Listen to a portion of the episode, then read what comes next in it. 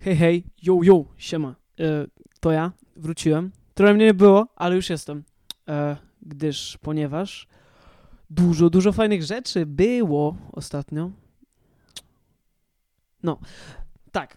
E, druga połowa wakacji, jeżeli chodzi o nowe wydania, to jest totalny, totalny sztosik. Dzisiaj sześć kawałków e, będziemy sobie umawiać. Dużo ciekawych, fajnych rzeczy. Trochę mnie, tak jak mówiłem, trochę mnie nie było, ale już jestem i szykują się nowe rzeczy, będzie więcej y, tego typu odcinków, będzie trochę wywiadów, ogarniam mega fajne, ciekawe osoby i się jaram w...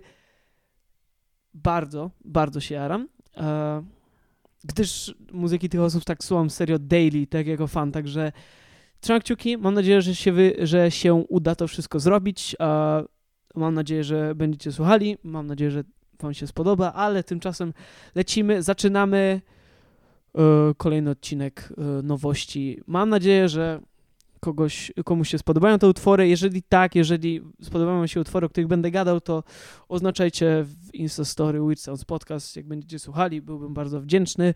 Okej, okay, let's go, bitches!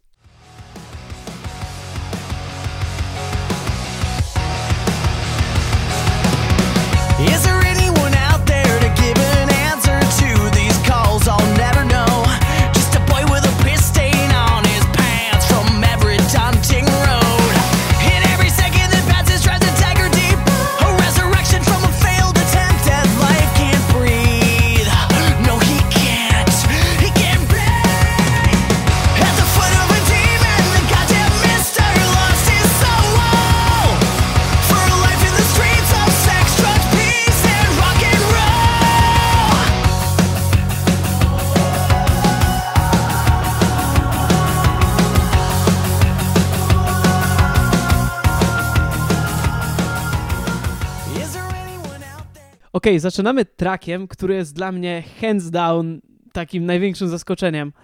E, podejrzewam, że dla was nie jest zaskoczeniem, że się tym jaram, gdyż to jest track e, oczywiście związany z zespołem, którego wszyscy mają przeze mnie dosyć, czyli mowa oczywiście o moim ukochanym Periphery. Ale dobra, do rzeczy. E, a więc Spencer, e, wokalista Periphery, peri, per, la, nieważne, ma naprawdę jakieś z cztery side projecty. Ma Nick Mystery, e, taki bardziej R&B project e, z Mike'em Deuce'em i z jakimś jeszcze innym gościem, którego nie pamiętam. Ma jeszcze Endur, jeszcze śpiewał From First to Last e, i teraz generalnie wysze, wyszła pierwsza piosenka jego side projectu z Mattem Halpernem, który jest perkusistą oczywiście Periphery. I zaczęli teasować swój side project, który wtedy się nazywał Mothership, teraz to jest pod nazwą King Mothership. Jakieś dosłownie 4 lata temu, jak robili chyba Juggernauta, nie jestem pewien, który to był rok, ale Spencer dodał jakieś demo na SoundClouda i wszyscy się jarali, ale potem to ucichło, ale teraz z racji tego, że mają własną wytwórnię, Free Dot Recordings, mają totalną wolność, jeżeli chodzi o wydawanie e, muzyki i chwała Bogu Spencer i Matt wznowili ten, e, ten projekt i jeszcze ogarnęli Taja zespół Slaves na bas i wydali najbardziej albo najmniej, jakby serio, nie wiem, nie wiem jak to opisać, e, jakie miałem pierwsze myśli po przesłuchaniu tego, ale to jest coś, czego się kompletnie nie spodziewałem, naprawdę, totalnie nie spodziewałem się takiego brzmienia i jestem tak szczęśliwy, że właśnie poszli coś takiego i zaskoczyli mnie w ten sposób, bo tak, pozy tak pozytywny odbiór miałem, naprawdę. Słuchałem tej piosenki chyba z 8 razy pod rząd. No i nie wiem, nie wiem co mogę więcej powiedzieć. Jest to coś, czego się kompletnie nie spodziewałem i tylko i wyłącznie pozytywne emocje związane z tą piosenką, która jest naprawdę pozytywna i taka słodka i oczywiście Peryferii też ma wiele pozytywnych piosenek, ale to jest nawet, nawet jeżeli chodzi o mix, nawet jeżeli chodzi o stricte jakby produkcję y, tej piosenki, to nawet w komentarzach dużo osób mówiło, że ej, to brzmi produkcyjnie zupełnie inaczej jak Peryferii. I Matt odpisał, że to dobrze, taki jest właśnie, taki jest właśnie cel tego. Także płyta, która się bodajże będzie nazywała The Ritual, będzie wychodziła we wrześniu, także strasznie czekam. Jestem ciekawy, czy dalej będą w te klimaty szli. Mam nadzieję i mówię, Spencer jest jeden z lepszych wokalistów na ziemi. Jest w stanie zaśpiewać wszystko. Oprócz tego gra jeszcze na gitarze w tej piosence. Oczywiście perkusja mata 10 na 10 jak zawsze. Także nie wiem, bardzo, bardzo polecam. Super track. Daje totalnie okejkę. Spencer, kocham cię. Jak to słyszysz, to napisz do mnie.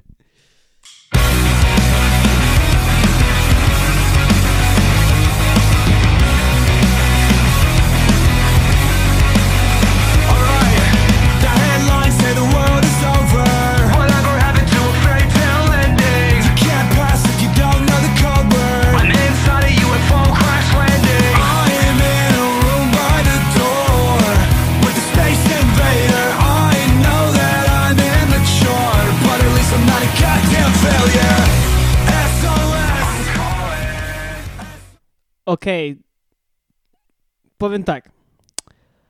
Nigdy nie spodziewałem się, że powiem w moim życiu, że stawiam obok siebie piosenkę tak naprawdę peryferii Machine Gun Kelly'ego, dlatego że są stylistycznie podobne, ale kurwa, here we are, naprawdę, 2020. E, śmieszny rok. Znaczy dobra, bez przesady. E, każdy, kto śledzi Kelly'ego trochę, wie, że to jest gościu, który tyle, ile ma z kultury hip-hopowej, tyle ma z kultury rockowej, moim zdaniem. To jest oprócz Post Malona e, osoba, która chyba naj, najbardziej szerzy właśnie rock'n'rollową kultur, kulturę wśród, wśród rapowej publiki. Już jakiś czas temu zapowiedział, że będzie wydawał pop-punkową płytę, która się nazywa Tickets to My Downfall. Wydał już wcześniej jeden singiel, Bloody Valentine, i teraz właśnie e, drugi singiel, e, Concert for Aliens, a bodajże półtora tygodnia temu chyba zadebiutował oczywiście też, e, tak jak w większości w sumie kawałkach Kelly'ego na perkusji gra Travis Baker z Blink-182. No i cóż mogę powiedzieć? E, z wielkim uśmiechem na twarzy widzę to, jak kultura rapowa i kultura rockowa się zaczyna mieszać i poniekąd właśnie przez to jest szansa na odrodzenie się trochę, trochę rocka w mainstreamie, bo naprawdę Machine Gun Kelly a, tak jak mówiłem, moim zdaniem ma tyle z rocka, ile z hip-hopu. Bardzo czekam na tą płytę i mówię, jakby ta pop-punkowa stylistyka moim zdaniem bardzo dobrze mu wychodzi. Jest dużo, naprawdę dużo raperów, którzy obecnie czerpią z jakiejś cięższej muzyki, ale mówię, on jest taką takim liderem tego, zdecydowanie. To jest w ogóle mega fajne zjawisko, że właśnie te dwie kultury się mieszają. Moim zdaniem to jest tylko i wyłącznie na dobrze i no mówię, stylistycznie, jeżeli chodzi o, o ten kawałek, dla tych, którzy nie kojarzą, nie słuchali wcześniejszych kawałków właśnie tych bardziej rockowych Kelly'ego, to mocno Green Day, właśnie Blink-182, trochę może nawet Tiny Moving Parts e, klimaty.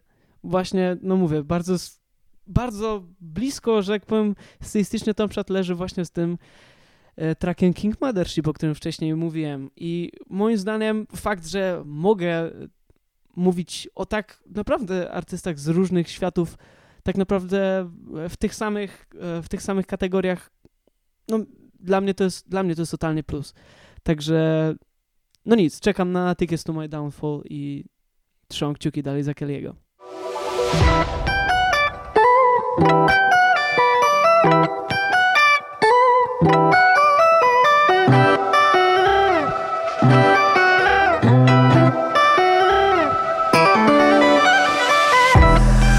you think this shit's getting too real? Don't you know the terms of your own deal?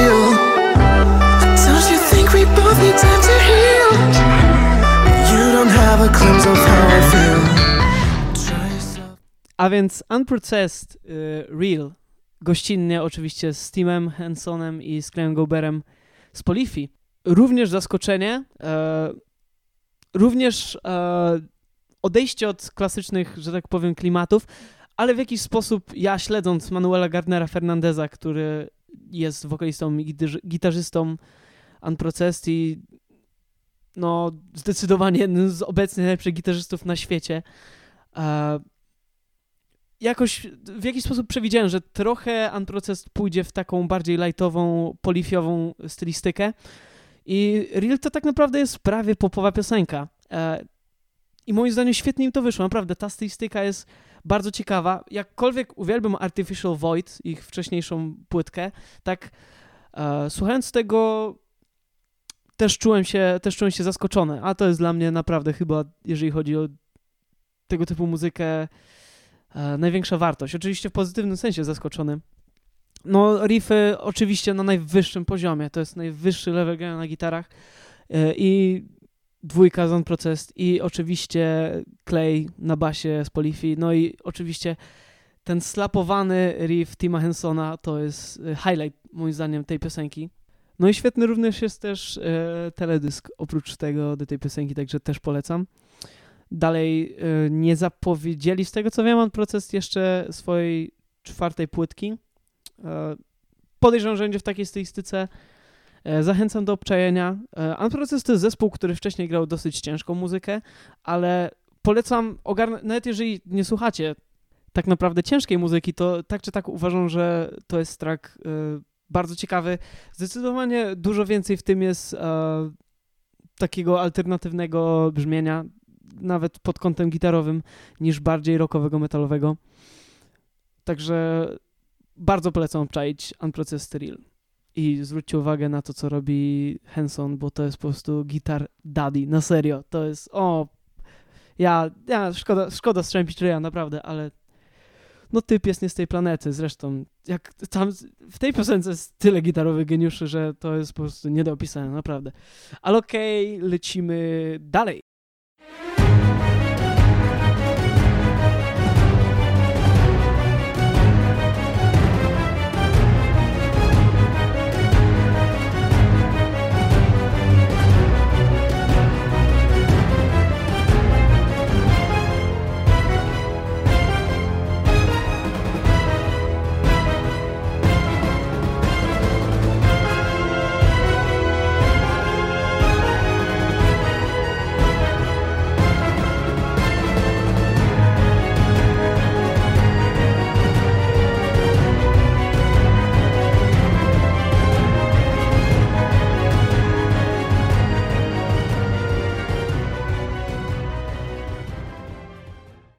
Śmiałem się już pod nosem, jak dobierałem kawałki do, do tego odcinka, że moi znajomi będą mówili, że ja jednak jestem, jestem uzależniony od peryferii.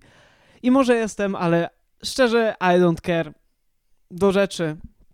Teraz będę mówił o... E, ciężko o tym szczerze powiedzieć piosenka. To jest jakby no, utwór tak naprawdę orkiestrowy. Żeby dać wam, dać wam trochę backgroundu, o czym właściwie mówię, bo pewnie większość z was nie wie.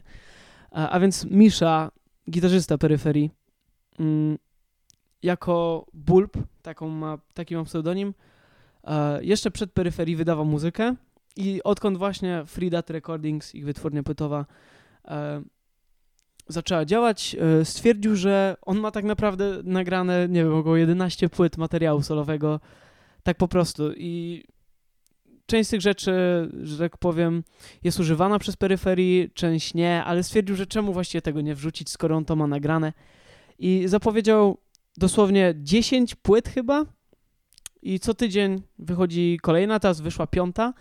E, wyszło archiwum 8, 7, 6, 5 i teraz wyszło właśnie e, archiwum e, Miszy z muzyką stricte orkiestrową którą robi, bo no Misza jest odpowiedzialny za wszystkie e, symfoniczne partie w peryferii i wszystkie te symfoniczne partie zawsze są na najwyższym poziomie i zawsze e, zawsze świetnie pasują, dlatego tak naprawdę informacja o tym e, o, tej, o tym wydaniu właśnie orkiestrowym Miszy najbardziej mnie podekscytowała i strasznie czekałem. Jeżeli ktoś potrzebuje muzyki do uczenia, do czytania, e, do nawet, nie wiem, kurczę, spacerowania po lesie. Albo no, rysowania na przykład, to też musi być super. Mimo tego, że ja nie umiem rysować, ale domyślam się, że to mogło być całkiem spoko.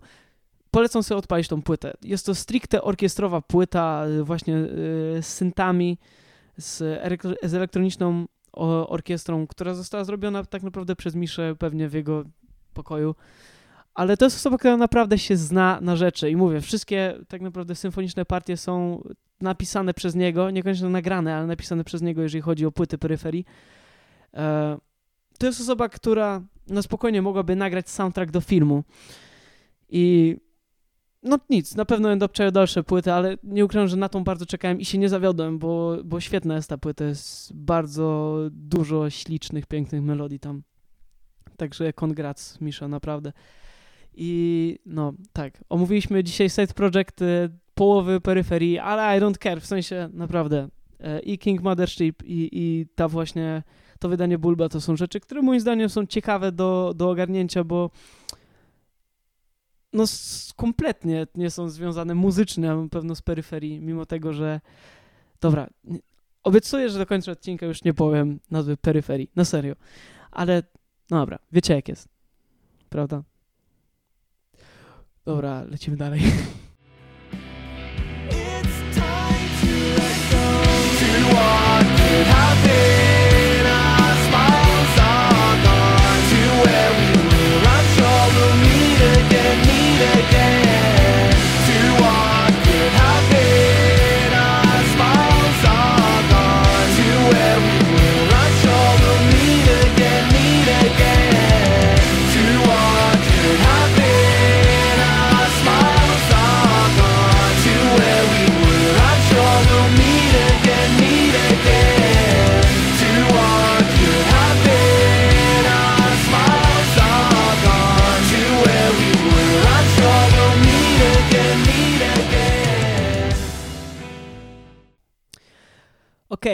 Tiger to zdecydowanie, jeżeli chodzi o ten rok, e, bo w tym roku zacząłem ich słuchać, to jest mój ulubiony zespół i tak strasznie czekałem na trzecią ich płytę, która wyszła właśnie w tamtym tygodniu.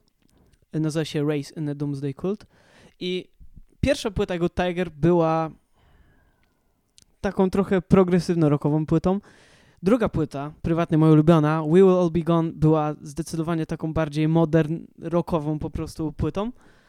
A, I z tą trzecią płytą poszli w zupełnie inny klimat. I z jednej strony chciałem, żeby zostali przy te tematyce i stylistyce z We Will All Be Gone, bo tak strasznie po prostu mi się podobała ta płyta.